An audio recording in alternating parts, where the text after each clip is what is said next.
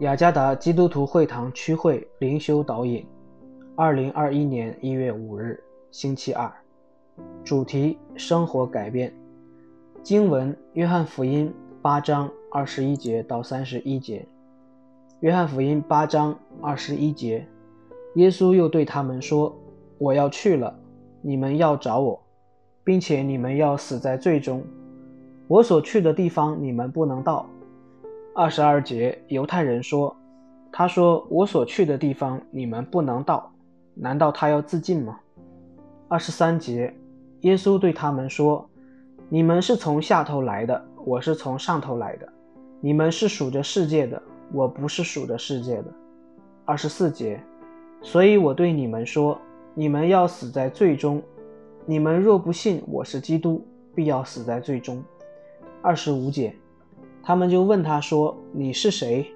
耶稣对他们说：“就是我从起初所告诉你们的。”二十六节，我有许多事讲论你们，判断你们，但那差我来的是真的。我在他那里所听见的，我就传给世人。二十七节，他们不明白耶稣是指着父说的。二十八节，所以耶稣说：“你们举起人子以后，必知道我是基督。”并且知道我没有一件事是凭着自己所做的。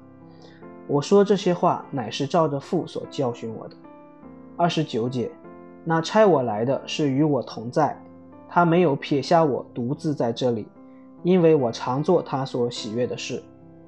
三十节，耶稣说这话的时候，就有许多人信他。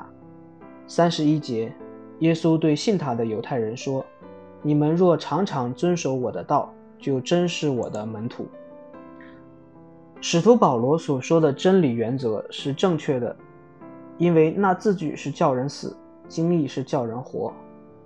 使徒保罗对比了两种不同目的的施工：基于律法的施工的价值不如基于圣灵的施工；以圣灵为基础的施工赋予众人更加荣耀的生命。耶稣这样的服饰导致许多人的生命。得着转化，耶稣执行的事工带来巨大惊人的改变，并且取得了最大的成功。耶稣的事工以不同的方式触着并改变了犹太人，他们经历改变是因为他们相信耶稣基督是隐含的意义。法利赛人也可能相信基督。如何改变和拯救一个人的生命？如果我们以耶稣所教导的原则为基础。那么，我们对神的恩典的回应就必须遵循几项原则。我们作为基督门徒的真实性的证明，是我们对上帝圣言的服从，常在他的话里，并遵行他的话。因此，不仅要了解很多上帝的话，而且还要思想并去执行。耶稣解释说，人类为改变和得救而付出的努力是徒劳的。因为这些努力会带来破坏或死亡。如果是这样，解决方案是什么？耶稣通过信靠他，就是执行拯救人类使命的天赋的使者，提供了明确的解决方案。特别是那些相信基督是主和救主的人，基督的同在及其传道的施工，确实为每一个信徒带来了生活的改变。到目前为止，我们的生活过程如何？仍然是静态的，还是持续不断的显着且连续的变化？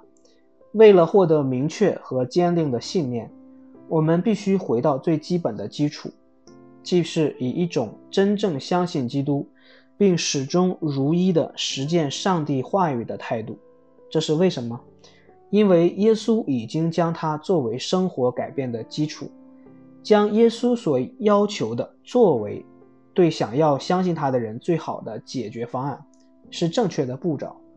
只有通过我们对基督及其话语的信任和奉献，我们的生活才会发生改变、改变和变化。我们的生活的变化导致了我们更像基基督耶稣。